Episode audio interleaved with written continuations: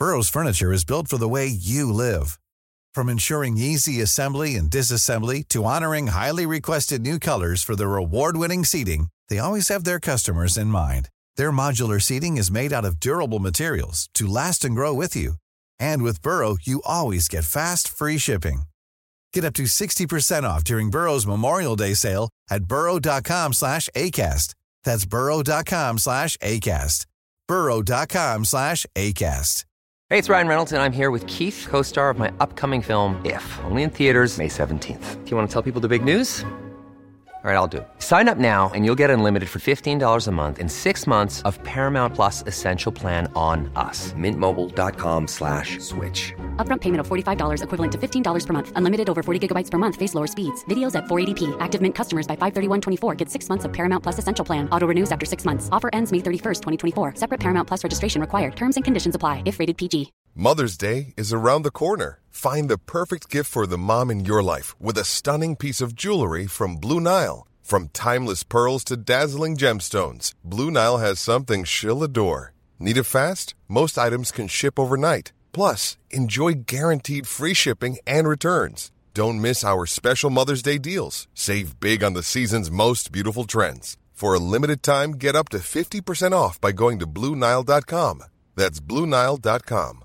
Quality sleep is essential. That's why the Sleep Number Smart Bed is designed for your ever evolving sleep needs. Need a bed that's firmer or softer on either side? Helps you sleep at a comfortable temperature? Sleep Number Smart Beds let you individualize your comfort so you sleep better together. JD Power ranks Sleep Number number 1 in customer satisfaction with mattresses purchased in-store. And now, save 50% on the Sleep Number limited edition Smart Bed for a limited time. For JD Power 2023 award information, visit jdpower.com/awards. Only at a Sleep Number store or sleepnumber.com. I'm amazed how many people own stocks. They, they would not be able to tell you why they own it. They couldn't say in a minute or less why they own it. Actually, if you really press them down, they'd say the reason I own this is the sucker's going up. There's enough cash in the financial system, and there's an infinite amount of cash at the Federal Reserve. An infinite amount Put of cash. Put that check in a money market mutual fund. Then we'll reinvest the earnings into foreign currency accounts with compounding interest, and it's gone. So they had to do something. All they had left was just to print money and start buying things. And that's what they did. Quick buck artists come and go with every bull market, but the steady players make it through the bear market. They say money can't buy happiness. Look at the fucking smile on my face. Hej och välkommen till ett nytt avsnitt av Market Makers. Hur är läget Fabian? Du, ni hade nästan 10% inflation i, i UK. Ja, men detsamma. Ni ligger väl där någonstans också i Sverige? Ja, men det beror på. Kollar man på KPI så hamnar vi på 9,8 eller var det 9,9? Och eh, KPIF, det är den viktiga siffran, det var ju bara 9,0. vet du. Så att, eh, vi klarar oss ganska bra ändå. Det är sant, det är sant. Bara 9% inflation. Precis, och bostadspriserna ner tror jag 5 nu eller någonting. Katastrof. Katastrof. Vad ska befolkningen göra? Men du, jag tänkte säga, vi ska inte prata om det, men det ska vi. Vi kommer prata jättemycket inflation idag. Det blir så. Inflation och energi kommer det bli. Eh, sen kommer vi prata om någonting helt annat och det är nämligen halvledare. Så vi förhoppningsvis får med oss både makrofantaster och techfantaster. Eller så är man båda två, precis som vi. Exakt, exakt. Vi tänker, vi vill inte skrämma bort våra tech-älskare för mycket. Så att eh, vi måste ju liksom slänga in lite tech i de här avsnitten också. Precis. Men oavsett vad vi slänger in i avsnittet så är det inte någon rådgivande rekommendation vi håller på med. Vi berättar om vår process, hur vi tänker. Du måste alltid göra din egen analys och glöm aldrig att alla investeringar är förknippade med Risk. Och som vanligt har vi med oss vår huvudsponsor Robomarkets, den europeiska multiassetmäklaren med över 12 000 instrument att handla. Där finns det CFDs på aktier, ETFer, index, råvaror, valutor, givetvis krypto, you name it. Och dessutom kan man handla allt det här på ett valutakonto så man undviker onödiga växlingsavgifter. Robomarkets har lokal närvaro samt kundsupport på svenska och man är reglerade av tyska Finansinspektionen och framförallt så har man otroligt attraktiva villkor med låga courtage och tajta spreadar. Tillsammans med Robomarkets kommer vi varje vecka lyfta någon intressant investering eller tradingidé som du kan utforska vidare på deras plattform. Ja, och oj, oj, oj vad Nasdaq rörde sig igår när inflationssiffrorna i USA kom in högre än väntat. Eh, vi pratade ju om det lite här i introt. Eh, Nasdaq var ner 6% från dagshögsta eh, och stängde ju på över minus 5 och den här typen av makrosiffror de är ju närmast omöjligt att förutspå eh, och därför vill vi den här veckan slå ett litet slag för möjligheten att använda RoboMarkets eh, och deras CFD för att hedga sin portfölj på ett väldigt smidigt sätt. Det är så, CFD är otroligt mycket smidigare och mycket billigare att använda jämfört med till exempel mini-futures, som är det som kanske finns hos nätmäklarna. Där brukar ju marketmakern försvinna iväg på toarast om det rör sig för mycket och du blir instängd av din position. Men hos Robomarkets får du istället en säker och stabil produkt där du vet exakt vad du får och dessutom är det tajta spreadar och låga avgifter, vilket gör ett väldigt förmånligt sätt att faktiskt hedga sin portfölj eh, vid den här typen av händelser till exempel. Vet man att det kommer in en inflationssiffra om man är inte orolig för den. ja, då kan man enkelt hedga upp sin portfölj så man slipper liksom vara med i det eventuella raset. Ja, det är smidigt att gå både lång och kort. Dessutom kan du i det här fallet faktiskt nyttja den generösa hävstången så att du med ganska låg insats kan skydda hela eller stora delar av din långa portfölj. Och vill du veta mer om Robomarkets, besök då robomarkets.se. Följ deras Twitterkonto, at robomarkets.se. Länkar i avsnittsbeskrivningen, självklart. Och är du nyfiken på att testa går det alltid att känna och klämma på plattformen genom att skapa ett demokonto. Men som med alla investeringar är det viktigt att man förstår hur instrumenten fungerar. Handel med CFDs innebär alltid en hög risk att förlora pengar och det är viktigt att vara påläst innan man handlar. Fullständig riskinformation finns på Robomarkets hemsida. Vi säger stort tack till Robomarkets. Ja, och då hoppar vi in på veckans tre snabba, som jag tror kommer bli veckans tre långa tyvärr. Ja, Eller två långa, det beror på lite hur man ser det. det beror en lång, för allting har ju med liksom, varann att göra. Men vem hade trott att inflationen var över? Ingen som hade lyssnat på den här podden i alla fall. För att här sitter vi och bara säger hur jävla stick inflationen är. Och det visar sig vara sant, i alla fall det här fallet, den här månaden. Ja, i USA till exempel släppte man ju siffror nu här igår. Vi spelar in det här onsdag den 14 september, så att ni lyssnar på en dag efterhand så att säga. Eh, där steg det 0,1 procent ju month over month från juli till augusti. Year over year landade inflationen på inflationen på 8,3 procent. Det var lite högre än väntat, vilket räckte då för att skicka ner Nasdaq 6 procent. Exakt, och det är trots fallande energipriser som har varit liksom den kategori i eh, CPI som dragit liksom stuckit ifrån mest. Men som sagt, inflationen är sticky, vilket märktes av i till exempel servicekategorin. Och det är ju så, är det inflation i en kategori så kommer den smitta av sig till andra kategorier. Och ser vi nu att till exempel eh, efterfrågan på olja börjar accelerera igen, eh, framförallt när eh, Biden slutar pumpa upp reserver, att du ser att gapet mellan supply and demand minskar. Vill du förklara det lite med reserverna bara? Det tror inte alla är med på. Då, Biden och USA sitter och släpper ut eh, reserver i, oljereserver i marknaden, vilket ök, det ökar utbudet och det drar ju såklart ner priset på, på oljan. Och det gör den ju fram till midterm elections. Och det är såklart att eh, han vill ju få ner oljepriset, få ner inflationen, så det är väldigt, väldigt eh, rimligt för honom att göra det. Men det gör ju också att deras reserver på olja dras ju ner, minskar. Och de kommer behöva fyllas upp igen De kommer behöva fyllas upp till det här nya högre priset. Precis, och det är egentligen den, den omvända funktionen från det vi pratade om förra veckan, lite grann, när vi pratade om tyskarna och deras gaslager. Och det är egentligen samma sak. Då hävdar vi att, att priset på gas kanske till viss del har tryckts upp lite extra för att tyskarna fyller på sina reserver.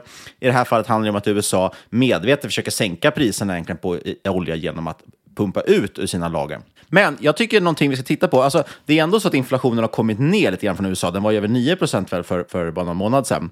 Eh, och det viktiga Alltså den ser ändå ut att någonstans kunna toppa, men som du säger, det är sticky och det tar ganska lång tid innan det rör sig. Eh, och en viktig punkt jag tycker man ska titta på, det här var eh, Andreas Sten och Larsson som lyfte upp på Twitter. En stor del av, av amerikansk KPI eh, utgörs av boende, boendekostnader. Eh, och det just nu är väl lite den som är stora fiende, för att energipriserna har kommit ner, råvarupriserna har också kommit ner, men boendet har gått upp och den stod för nästan 1% ökning från föregående månad. Men det som han lyfte då som är intressant, det är att det här är en väldigt laggande punkt i datan. Alltså, går huspriserna ner idag, då tar det över ett år innan det syns i KPI-siffrorna. Så det ska man ha med sig att det där kommer ta lite tid. Och det är det vi menar med att det är... Det är dels det vi menar med att det sticker, men framförallt är det så att det tar lång tid att, vända på det. Men jag tycker bara man kan lyfta upp det också, att, att det finns lite olika saker som är i rörelse här och generellt kan man prata om att det finns två typer av inflation enligt keynesiansk teori. Det finns ju dels det som heter cost push inflation och sen finns det också demand pull inflation. Och cost push, alltså att pusha kostnaderna, ja, det är helt enkelt ökade kostnader på grund av till exempel högre priser på insatsvaror, alltså råvarorna går upp eh, i pris eller så kan det vara energikostnader också förstås. Och nu till exempel, då, vi tar ett exempel om en biltillverkare. Om priset på el går upp och kopparn går upp i pris, ja då blir det dyrare att tillverka en bil. Alltså måste biltillverkarna då pusha vidare kostnaden till konsumenten, vilket gör att priserna stiger. Den andra typen av inflation är ju demand pull och det handlar om att ökad efterfrågan får priserna att öka. Plötsligt till exempel slår en pandemi till, som det gjorde för något år sedan här nu, och alla vill bo i en villa med trädgård. Men det finns ju, det är alltså en ökad efterfrågan på villor, men det finns ju inte fler villor på marknaden. Därmed ökar efterfrågan då mer än utbudet och efterfrågan drar, alltså puls, priserna uppåt så att säga. Och det är lite intressant, för att ibland är det en av de här som verkar, men just nu har vi båda två egentligen som verkar i ekonomin. Cost push inflation har vi till exempel fått av kriget i Ukraina som tvingat upp priserna på energi och vissa råvaror. Men vi har också fått det på grund av covid och fraktkostnader och annat stuckit iväg. Men vi såg också en demand pull, till exempel på grund av covid, där man dels fick mer pengar på grund av de här stimulanserna, men framförallt också förändrade beteenden där vi vill ha hemester, vi vill ha större hus, mer elektronik, mer digitala varor och så vidare. Ett förändrat köpbeteende helt enkelt. Och den här typen av demand pull, eller ökad efterfrågan, den löser sig alltid över tid. Alltså marknaden ställer ju om och producerar det som konsumenter vill ha. Det kan ta lite tid, men sen så lugnar den ner sig. Och vi har framförallt haft en demand pull de senaste åren. Jag tror ändå vi har tyckt att det var okej okay och att vi har kunnat hantera det. Men i och med kriget och så vidare så har vi också fått in en cost push-del på det här. Och den har blivit en betydande faktor och det är det som gör att det nu blir väldigt, väldigt svårt att tämja inflation för att vi har två liksom, faktorer som drar samtidigt. Absolut, och, och man ska påpeka där också att Fed har ju egentligen bara möjlighet att påverka en del av den ekvationen. Ja, men precis. Och det har vi ju lyft många gånger. Sen tycker jag också man, man kan dra ett också, annat exempel eftersom det är så mycket fokus nu på elpriser. Där minskar vi utbudet under många årtionden av el samtidigt som efterfrågan faktiskt ökar. Vi elektrifierar ju samhället, vi har elbilar och så vidare. Så där har vi egentligen demand pull. Sen slog det här kriget till, vilket gjorde att vår reservkraft, alltså elda fossila bränslen på olika sätt, blev mycket dyrare och då hade vi cost push, då, så att elpriserna då skenar ju iväg. Sen var det intressant just det, vad, vad är det egentligen som driver inflationssiffran? Där var det Chicago Fed, de var ute nu med rapporter och visade väldigt tydligt att inflation och fiskala stimulanser, de hänger ihop väldigt, väldigt tydligt. Ökar du stimulanserna så ökar inflationen. Och de pekar väldigt tydligt nu på att stimulanserna, till exempel under covid, är direkt skyldiga till stor del av den inflationen vi ser nu. Oh, vem hade kunnat tro det? Precis, snacka om att sparka in öppna dörrar. Det viktiga i det här är väl egentligen just att det är Fed, alltså Chicago, i Chicagos Fed i det här fallet, som är ute med det här. Så att det är en viktig auktoritär liksom, eh, auktoritet som, som säger det här. Och inte bara några två snubbar i en podd. eh, men det lär ju knappast det blir bättre då med inflationen av att staten nu tvingas gå in och, och bekämpa liksom de här ökade kostnaderna, eh, högre energipriser, genom mer stimulanser. Så att, ja, det kommer verkligen visa att man jagar sin egen svans lite grann. Och det är det som är svårt, för att det stora, ett väldigt stort problem i den här inflationsfrågan är ju energi. Eh, ser vi nu, till, som vi pratar om, att eh, utbudet minskar igen, energiprisen ökar, ja, då kommer inflationen antagligen accelerera igen. Och det kommer innebära att Fed kommer fortsätta behöva vara hawkish, även om de nödvändigtvis inte kan lösa alla problem. Och då blir det den stora frågan, vad ska du allokera till, speciellt om du placerar jättemycket pengar som förvaltare. Du kan inte ligga i cash, du kan inte ligga i bonds. Då blir det energi, det är value, det är cykliskt som gäller. Och absolut inte tech, absolut inte growth. Och ser vi då att energi och inflationen fortsätter uppåt, Eh, Fed fortsätter vara hawkish, ja då kommer ju tech och growth fortsätta vara så kallade pain trades. Ja, jag är dock ganska tveksam till den cykliska delen i det där. Jag såg att eh, Bank of America, eh, för övrigt roligt, deras förkortning är ju BOFA, BOFA, och då läser jag alltid i mitt huvud som Bank of fucking America. Men eh, Bank of fucking America, de gick ut och eh, sa, nu pekade tydligt på att vi är just nu i en sencyklisk fas, fas, och då lyfter de också vilka so typer av tillgångar brukar gå bra eh, i den marknaden. Och där är ju som du säger, ja, men det är dels high dividend, alltså utdelningsaktier, det är high quality, liksom kvalitetsbolag, och sen var det någon del till. Men sen kommer vi då så småningom någon gång gå över till den sista fasen, liksom när vi har lågkonjunkturen, eh, efter cykeln har gått ner. Så nu är vi på väg ner i cykeln. Sen är vi nere eh, och då på den sämre delen av cykeln. Eh, och då är det fortfarande till exempel high quality och så vidare. Så jag tror absolut det. Det är fortfarande value och liksom högkvalitetsbolag man ska ha. Och dessutom har ju saker gått ner så mycket i pris nu, så man kan ju mer och mer börja hitta väldigt intressanta saker till ett billigt pris. Exakt, speciellt om man är långsiktig. Och det ska vi prata om lite senare i avsnittet. Ja, det, det är faktiskt en jättebra poäng som man ska tänka på nu. Jag tror väldigt mycket, man kan absolut nu verkligen börja bottenfiska och hitta saker till billiga priser. Men man ska ta med sig, man ska inte liksom Liksom gå all in med hävstång. Man måste nog tänka på att vad man köper nu så kan det fortfarande vara så att man kanske får en, två eller tre jättejobbiga kvartal framåt också. Eh, det kan verkligen fortsätta gå emot den. Eller så vänder det precis här. Kanske här är botten. Det är ingen som vet tyvärr. Sen tänkte jag på, eh, apropå saker som kan vara intressant att äga. Man har i många år pratat om uran. Vi pratade till exempel om det i avsnitt 211, det var ganska länge sedan. Eh, pratade vi om sprott som ett intressant urancase. Men den här uranboomen kom ju aldrig, vi har pratat om det i flera år. Men nu tycker jag det äntligen känns som det verkligen börjar bli medvind för, medvind för kärnkraft och därmed då också uran. Jag har lite exempel här på, för det är ju verkligen ett tydligt skifte nu, även bland de mest liksom, troende inom citationstecken inom den här gröna energin-lobbyn. Vi har ju satt oss nämligen nu i en fruktansvärt dålig sits, eh, men förhoppningsvis så kanske vi lär oss nu av misstagen och kan bygga då liksom en bättre energipolitik framåt. Och det känns som att just den, den faktorn som har slagit till här, det är ju på grund av Putin så har man nu lagt in faktorn säkerhet när det gäller energipolitik och den har saknats förut. Man har inte tänkt så mycket på säkerheten i energin. Till exempel, jag såg, jag såg faktiskt en intressant text också om det där man försökte utröna hur stor del av prisökningen som kom från Rysslands krig och hur mycket som kom från nedläggning av kärnkraft. Det har varit väldigt populärt nu i media inför valet att prata om Putinpriser. Man vill gärna skylla bort all prisökning på Putin. Eh, och han är ju dels ansvarig för det, men det är ganska intressant att se hur mycket sanning det ligger i det. I den här uträkningen som jag såg då, då landar man i att ungefär 50-50 var det Putin versus nedläggning av kärnkraft, eller egentligen nedläggning av energiproduktion kan man säga det. Men det är framförallt kärnkraften vi har avvecklat. Så att ungefär 50 procent av prisökningen kan skyllas på kriget faktiskt. Men hälften kommer också från att vi har ett sämre utbud. Och att en så stor del ändå beror på mindre produktion är inte jättesvårt att förstå. Kollar man bara lite utanför EUs gränser så, liksom så ser man det tydligt. Till exempel kan vi ta USA. USA är ju trots allt mer eller mindre självförsörjande på energi. De berörs därför bara marginellt egentligen av kriget. Men även där har ju priserna gått upp och man har stora problem. Och det är framförallt i en stat det ser riktigt illa ut och det är Kalifornien. Och det är av en händelse också den stat som både satsat mest på förnyelsebart, man har avvecklat kärnkraft, men också den stat som hårdast faktiskt subventionerar elektriska bilar, vilket då förstås sätter extra tryck på elnätet. Så de är ett ganska intressant exempel. Och det grundläggande problemet som man lyfter där nu från liksom Energimyndigheten och från Kaliforniens eh, eh, liksom stat själv också, det är att problemet man har sett är att när vi monterar ner kärnkraften, ersätter den med vind och sol, ja, kraften är förnyelsebar, men den blir väldigt oförutsägbar eh, och väldigt ostadig. Därför har vi sett nu i USA blackouts. I Kalifornien fick man ju det 2020, i Texas var det 2021. Och då är det egentligen för att man haft perioder där man haft extrem otur med vädret. Eh, och därför då är plötsligt saknat el. Det här är ju något som enkelt hade kunnat avvärjas genom att ha förutsägbar elproduktion som går att skala upp och ner beroende på behov. Eh, vi har ju i, i, i över hela världen, men också Sverige förstås, haft liksom en hel del marginal i våra elnät. Och det är nog därför, på grund av den här marginalen, som behövs förstås för att kunna klara av temporära spikar, den marginalen är det som har ätits upp nu sakta men säkert under åren och därför vi inte har sett de här problemen förrän nu antagligen, för att vi har haft marginal. Men nu lever vi precis på gränsen till att minsta lilla spik eh, eller dåligt väder gör ju att man helt plötsligt saknar el och då måste importera. Eh, och saknar, saknas importmöjligheter så får man helt plötsligt problem med blackouts. Men det intressanta nu, det är att Kalifornien tvärvänder. Eh, nu stoppar man bland annat nedläggningen av Diablo Canyon. Jäkligt coolt namn faktiskt. Det är på ja. statens sista kärnkraftsverk. Eh, nu stoppar man det och ska fortsätta drifta det kärnkraftverket. Och Biden-administrationen också, de har ju lanserat en 6 miljarder dollar stor satsning på att rusta upp och fortsätta drifta landets åld, liksom åldrande kärnkraftverk. Man vill helt enkelt ha kvar kärnkraften. Otroligt bullish. Och det ser du i flera länder. Eh, och du ser att flera länder tvärvänder, bland annat Japan och Korea. Eh, vilket är otroligt intressant och till och med Tyskland verkar rycka upp sig. De har inte, de har inte besatt någonting än, men det verkar som de kanske är på G där. Ja, jag ska, kom, precis, jag ska komma till Tyskland faktiskt.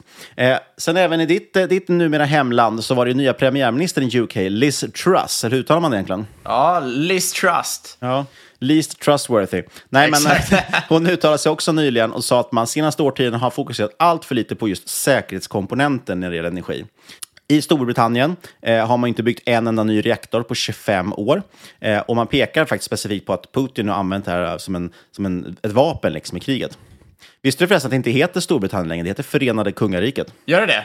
Ja, det är United Kingdom. Man, man har faktiskt ändrat så att det nu mer heter Förenade Kungariket på svenska. Jag har inte lärt mig att ändra själv. Jaha, intressant. Aldrig hört tidigare. Jag tror att det är den största grejen som de flesta kommer ta med sig från avsnittet, för det är inte så många som vet om det. Nej, men det är kul. Eh, hon Liz Truss kom ut också och sa att hon ville drilla mer i Nordsjön, vilket är rätt intressant om man gillar offshore drillers. Just det. Tänker du på något specifikt där, eller? Nej, men just det här med Putin, att han har använt energin som ett vapen, det är lite intressant. Det har ju spridits en hel del konspirationsteorier om att Putin ska ha varit med och finansierat och stöttat den här liksom, gröna lobbyn och, och liksom, och allt vad de nu heter, de här olika aktivistgrupperna som lobbat mot bland annat kärnkraft och eh, för förnyelsebart. Och man måste ändå säga att det finns en del ibland grunder i de här. Och det är framförallt väldigt svårt att värja sig mot den tanken med tanke på hur han nu har kunnat spela ut EU och energipolitiken. Så det är lite intressant faktiskt. Men även om mycket såklart är konspirationsteorier. Men slutligen då kommer vi till Tyskland, som du nämnde. Och det är intressant, för de är ju nog de mest hårdast drabbade och mest fokus. De verkar vara de enda som inte riktigt tycks fatta allvaret ändå. Tyska förbundskanslern Olaf Scholz, han vill, nu, han vill ju stänga landets sista tre reaktorer till årsskiftet. Nu tror jag att man har skjutit en del på den planen, men man verkar fortfarande inte riktigt fatta allvaret, även om det kanske är så att man kommer svänga. Alla ledande experter i landet säger att vi måste ha kvar våra kärnkraftverk, men istället nu sitter man på en plan att ja, lägg ner kärnkraftverken och så ska man istället ersätta dem med flytande oljekraftverk. De här flytande oljekraftverken är sjukt coola konstruktioner. Jag har försökt kolla om det bolaget som gör de här var noterat. Det var det tyvärr inte. Men de är riktigt, riktigt coola, men knappast miljövänliga och knappast den bästa lösningen. Eh, och Tyskland är ju då faktiskt till stor del ansvariga för en del av den här energikrisen vi har i Europa. Och jag tror att när fler och fler inser det så finns det risk för liksom, interna stridigheter i EU. Eh, det blir väldigt enkelt. Ja, vill, utan tvekan. Man vill alltid ha en syndabock och det är klart att vi har pekat väldigt mycket på Putin. Men desto fler som inser att okay, men kärnkraften är en viktig del av det här också, då kommer fler och fler börja peka på Tyskland som fienden också. Eh, ett intressant exempel på det här, eh, Take Anstot, jag är inte säker på om jag uttalar riktigt, men han är från Svenska Miljöpartiet som ju historiskt varit väldigt mot kärnkraft. Han uttalade sig faktiskt jättehårt om den här saken och sa att om inte Tyskland tar ansvar för sin energisäkerhet så tänker han då föreslå till riksdagen att vi kapar elkabeln ner till Europa. Man vill helt enkelt inte vara med och, och liksom hjälpa eh, tyskarna längre. Han uttryckte det som så att om man ska ha solidaritet, då bygger det på principen att den ena parten inte medvetet försöker skada sig själv. Då vill man ju inte vara, gå in och vara solidarisk för den personen. Exakt, och det är för att eh, vi har ju en eh, internationell marknad här. Sverige tar inte bara hand om sig själva. Och vice versa. Nej, precis. Och det omvända, ibland är det vi som har behövt importera också, så det är viktigt att vi har det där. Men just nu ser det lite tråkigt ut. Det är lite intressant. Tyskland har haft en jättestor omställning mot just grön energi, eh, som man kallar för energivände. Och jag såg nu Vincent Gustafsson på Twitter, han är ingenjör med master inom hållbar energiproduktion. Han gjorde en rätt intressant servettskiss på det här, vad det har kostat och vad han skulle kunna fått för pengarna istället. Eh, man säger då, det är lite svårt att säga exakt, men runt 600 miljarder euro estimerar man att, att Tyskland har lagt på den här energivände.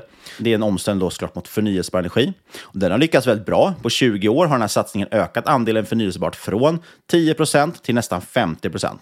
Men det den här vinsten då frågar sig var, vad hade man fått om man lagt de här 600 miljarder euro på kärnkraft istället? Och då kan man till exempel jämföra med finnarnas nya State of the Art-verk Olki Kulto 3. Perfekt uttal. Bara... tack, tack. Den kostade ju bara 6 miljarder euro, alltså en hundradel. Tittar man på Sydkoreas kärnkraftverk till exempel så är de ännu billigare. Så leker man med tanken på att tyskarna istället skulle lagt de här 600 miljarder euro på liknande verk som man bygger i resten av världen, då hade man kunnat få ut kanske runt 200 reaktorer, någonstans där. Eh, och det hade motsvarat 10 procent av världens totala energiproduktion. Det är också fem gånger mer än hela Tysklands samlade behov av elektricitet. Så att man hade ju varit helt fossilfria för den här pengen och är helt oberoende av Ryssland. Men verkligheten nu säger att man kommer missa sina klimatmål för att, på grund av att man måste nu elda fossila bränslen för att man som sagt inte längre kan nyttja Rysslands gas. Så att, ja, väldigt intressant. Det är en liten utläggning om energipriser. Jag vet att folk börjar trötta på det här, men jag tycker verkligen det är så intressant. Jag förstår, inte hur, man, man relatera nu... jag förstår inte hur man inte kan tycka det här är intressant, eh, speciellt i dagens läge. Det, det, jag vet inte, jag, jag kan inte förstå det. Nej, det, det, är ju så otroligt relevant och viktigt. Det är någonting som verkligen påverkar alla. Det spelar ingen roll vilken typ av boende du har eller vad du än gör för någonting. Alla är beroende av energi. Eh, Doomberg, som är en intressant energianalytiker som både du och jag gillar, han har ju ett citat, eller han brukar ju nämna att energy is life. Jag tycker det är väldigt intressant. Allting vi gör i livet, för att ens leva så krävs det hela tiden energi.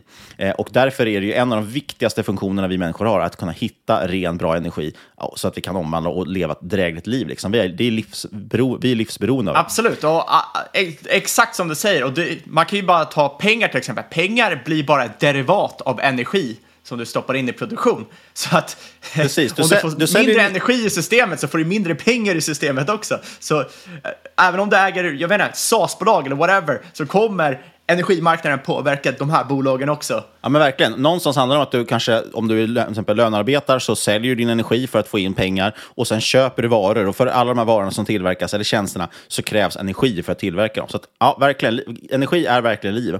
Och för att koppla lite kort till aktier, då, som sagt, lyssna till exempel på 211 om man vill få en introduktion till sprott. Jag tror att det är väldigt, väldigt bullish för uran just nu, känns det som.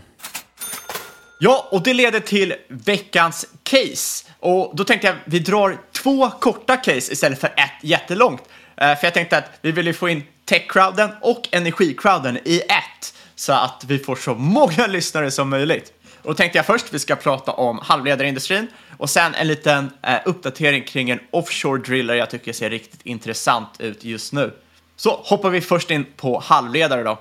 Och nyligen hade man ju sjuk brist på halvledare. Eh, hela världen, framförallt i bilindustrin, eh, där det faktiskt fortfarande är brist. Det var det enda man pratade om för ett år sedan. Och nu lagom till att man kanske äntligen börjar få ta på lite halvledare, då får man ändå stänga ner produktionen på grund av att man inte har någon el istället. Ja, det är, det är sant.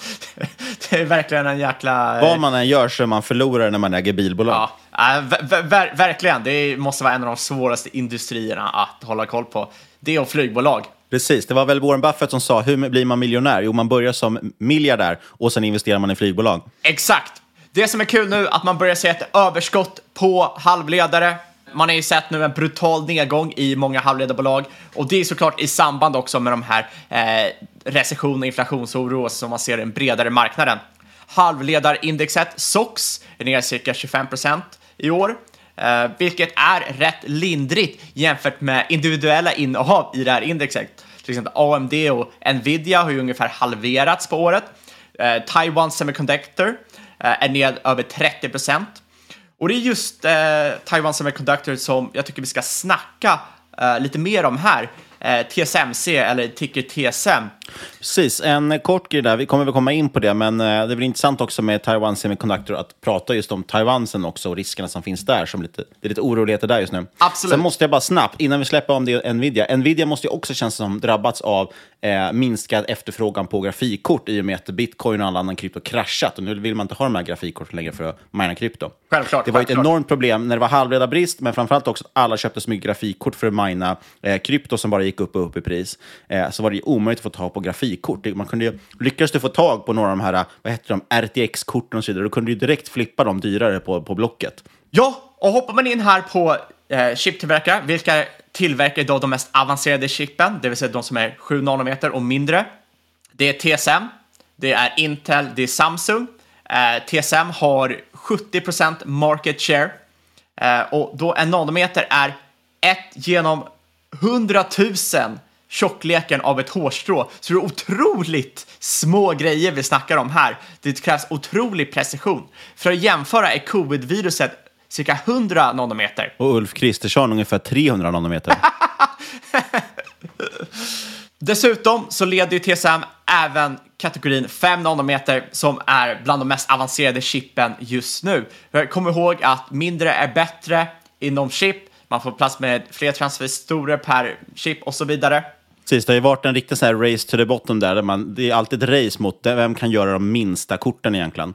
Eh, och nu är man nere på nanometernivå. Det är ganska otroligt ändå. Och man har ju många gånger trott att nu ska det inte gå längre, men, men så fortsätter man helt enkelt. Och där kan man ju kolla upp Moores lag om man vill ha lite kul kvällslektyr. Framförallt ska man tänka på att komplexiteten här ökar exponentiellt ju mindre eh, storleken blir. Så det blir svårare och svårare, och svårare, högre och högre modes att ta sig in här och det ska vi prata lite mer om. Så TSM gör alltså state of the art chip, eh, bygger nu ut fabrik i Arizona, USA för eh, massvis med miljarder dollar med stor hjälp av amerikanska regeringen. Eh, USA vill ju hämta hem produktion internt och eh, framförallt är det så att tillverka chip i så kallade foundries eller ja, det är väl engelska för typ gjuteri. Det är så pass komplext att till och med de liksom, andra halvledarbolag behöver förlita sig på TSM att sätta ihop grundblocken i chippen. Så att i stort sett alla bolag i världen outsourcar någon del av sin produktion till just TSM. Och det kräver extremt stor know-how eh, och det innebär också att vallgravarna är eh, oändligt stora i stort sett eftersom det är så pass hög komplexitet. Och nu, den här rädslan för recession vi har nu eh, har satt stark press på halvledarindustrin och framförallt på aktiekurserna. Men det innebär ju också att värderingarna kommit ner rejält. Eh, Taiwan Semiconductors handlar nu till ett P på 15. Eh, Det tycker jag är intressant eftersom de fortsätter växa extremt kraftigt jämfört med många andra chipbolag som till exempel Intel. I Q2 så växer man omsättningen med nästan 44% year on year, vinsten med 76% year on year och man har en ROE eh, som ligger på närmare 40%. Det är ju helt galet, den här tillväxten, eh, lönsamheten till den här prislappen. Framförallt så guidar man ju fortsatt för stark tillväxt. Eh, Så det verkar inte vara avtagande alls. Dessutom sitter man på stor kassa, relativt låga skulder och man har alltså råd med expansion eh, liksom framöver. Och eh, varför halvledare är så intressant är ju för att det är en av de mest värdefulla tillgångarna i världen.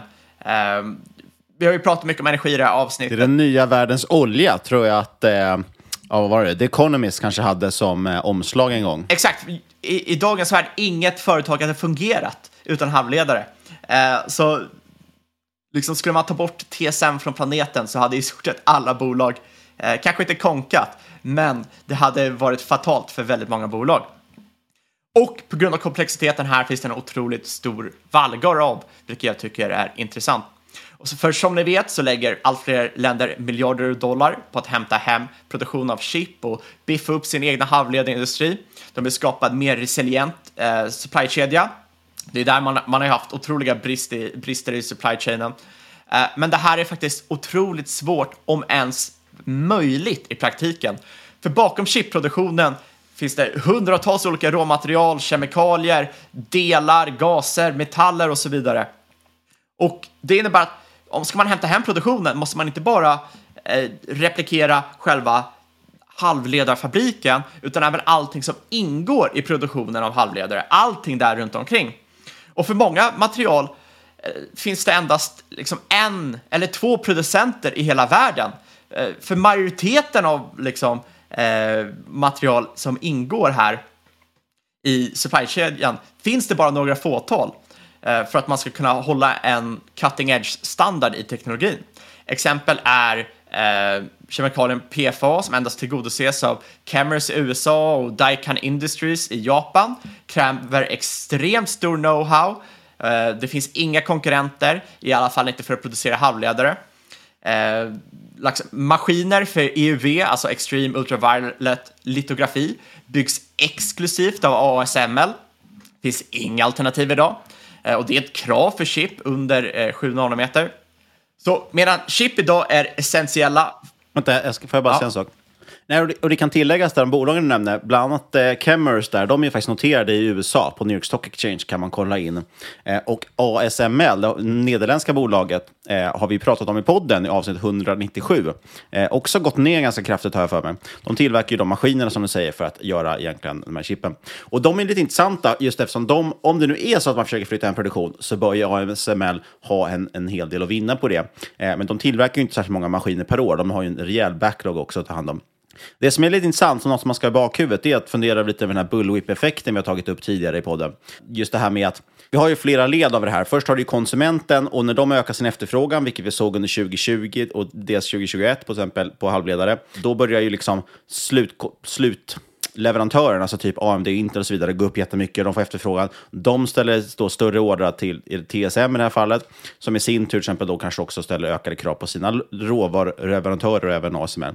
Eh, man ska nog fundera på den här bullwhip-effekten, hur det påverkar här. Och ser man till exempel nedgångar i AMD och Nvidia så kanske det sprider sig vidare till de här bolagen.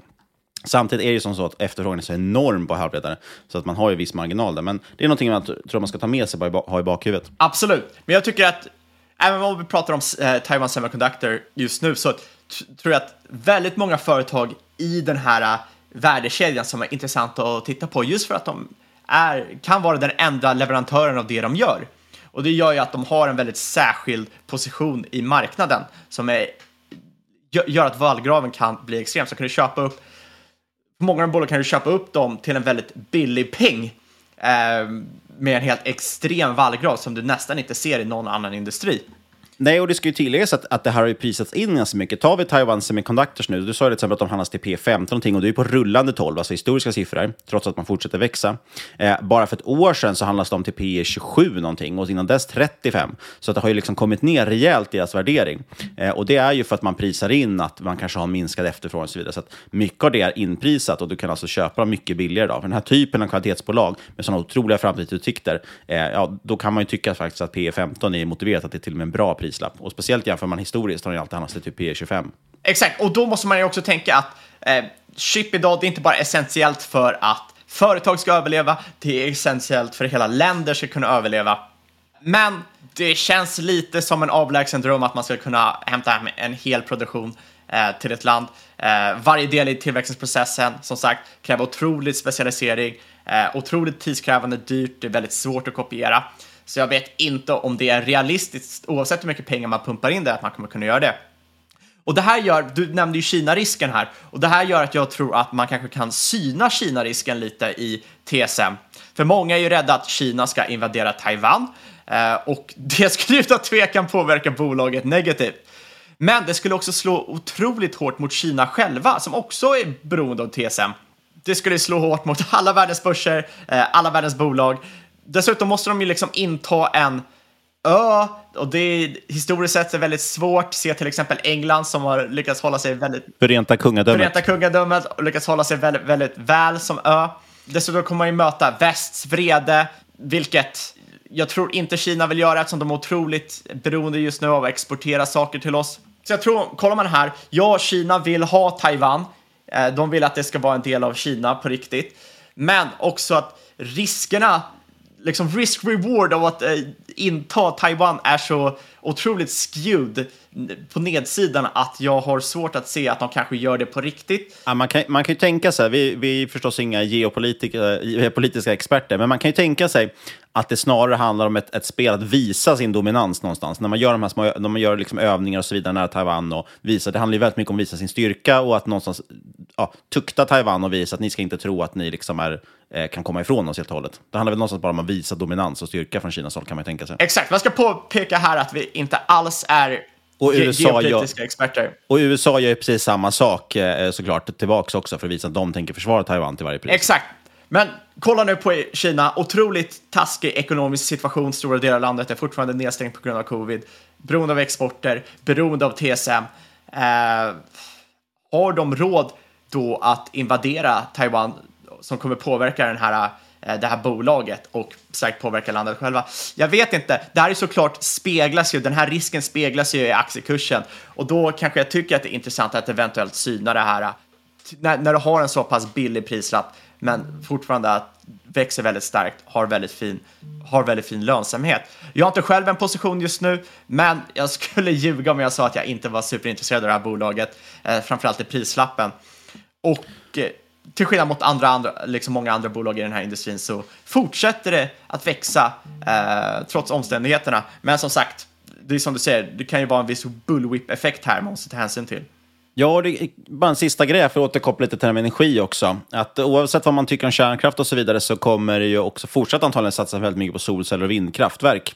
Eh, och vad görs mycket av de här solcellerna? Jo, de görs i Kina och det krävs extremt mycket halvledare för att tillverka solceller. Jag vet inte hur samarbetena ser ut med TSM där, och, men de är garanterat involverade på något sätt och eh, såklart gynnas av att det tillverkas mer solceller. Så det är också någonting att, att ta med där i, i beaktning kanske.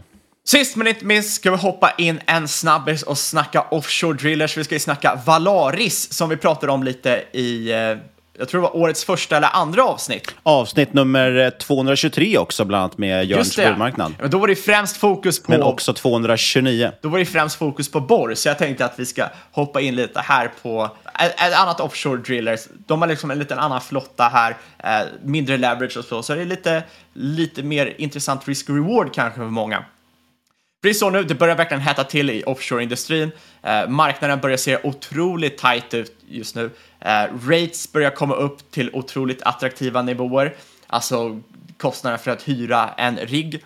Bolag som lägger ut tenders för riggar, alltså hej hej vi vill ha riggar, är det något företag som vill ge oss riggar?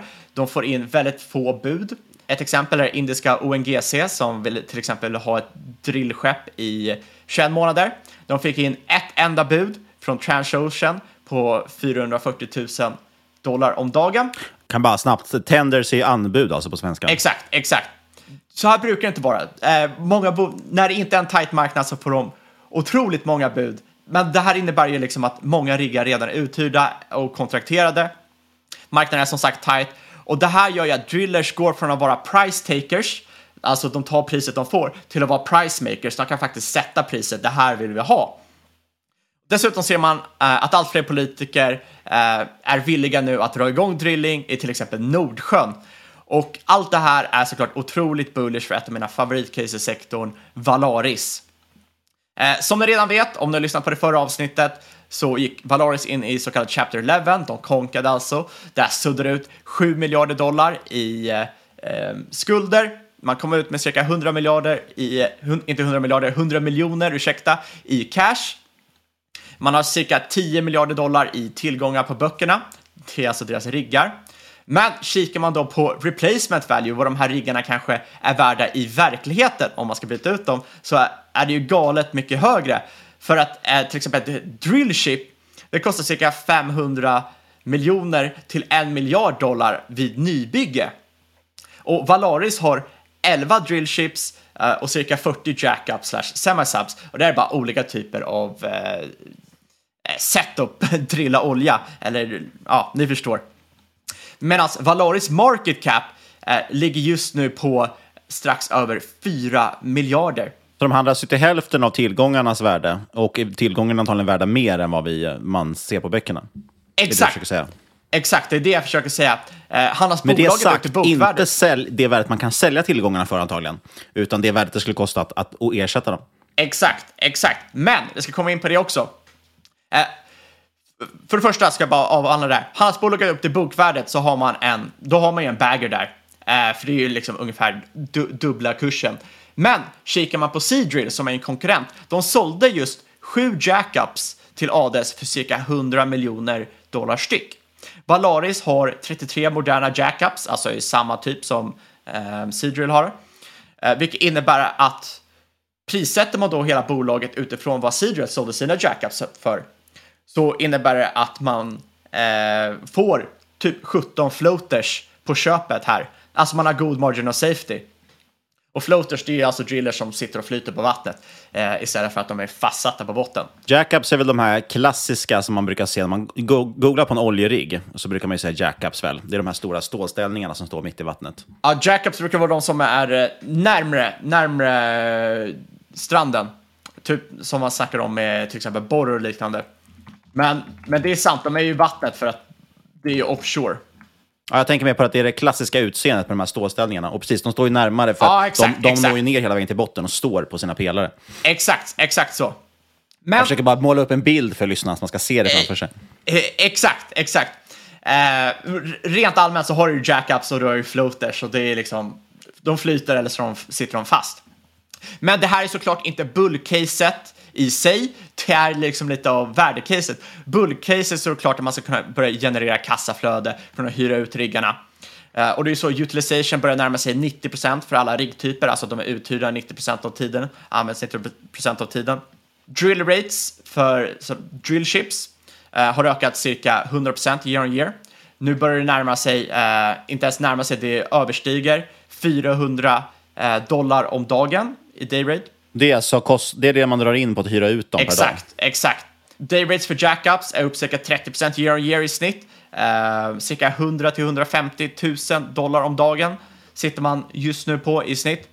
Och det här lär ticka upp kommande 12 månader med rejält momentum in i 2024. Det är väl det jag var inne på, ju, för att man kan ju helt enkelt ta- ta mer betalt per dag för att hyra ut de här prylarna. Exakt, för det blir en tajtare marknad samtidigt som oljan är på en sån nivå att många producenter, eh, framförallt utanför Europa, börjar inse oj, om vi börjar pumpa lite olja nu kan vi dra in mycket kassa till både vårt bolag men också till eh, vårt land. Men precis, och det man ska tänka på är ju att för varje nytt kontrakt som förnyas, för vissa kontrakt är antagligen långa, och när kontrakten hela tiden rullar och förnyas och man ökar, då, då liksom får man ju in, kan man ju höja day rates också i snittet på dem. Exakt, och det är det som är så intressant just nu.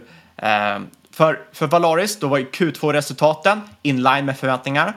Men likt andra offshorebolag som till exempel Borr så var guidance otroligt bullish för framtida rig rates.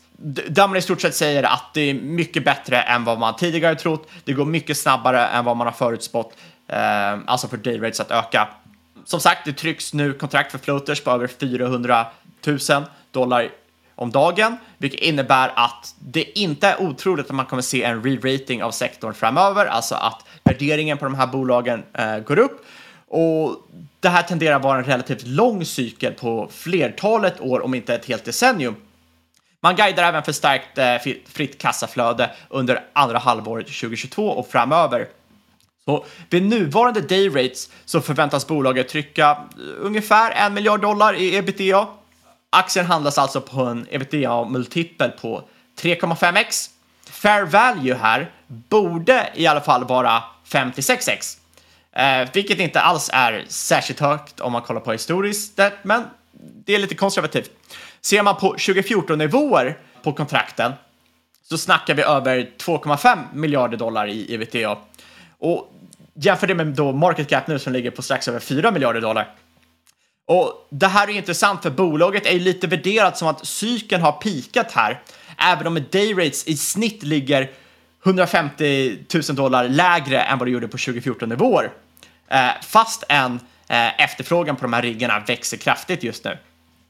Dessutom, till skillnad mot Borr, så är det här eh, ett otroligt konservativt bolag, vilket inte är så konstigt med tanke på att de nyligen har konkat. Tillgångar som, de har ju tillgångar som överstiger marknadsvärdet, de har nettokassa, Eh, otroligt konservativ kapitalstruktur.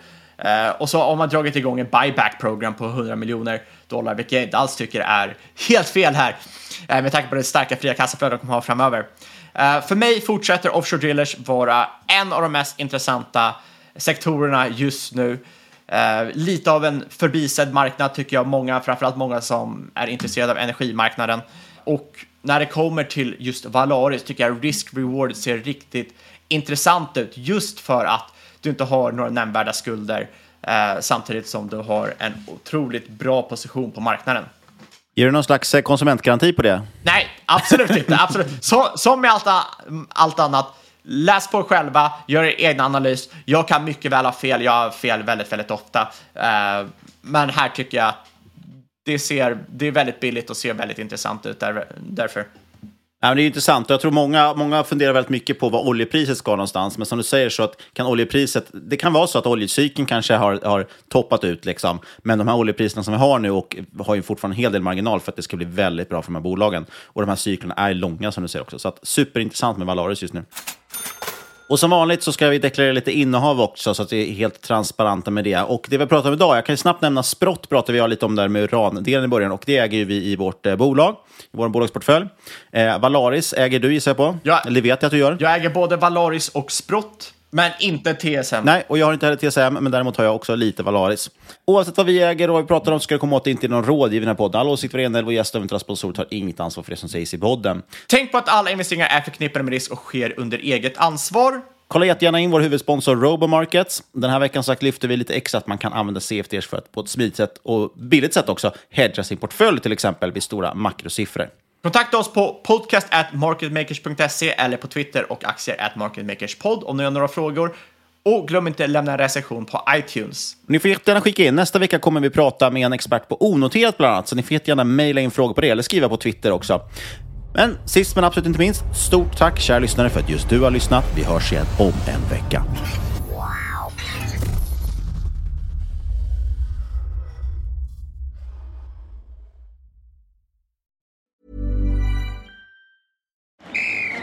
Ready?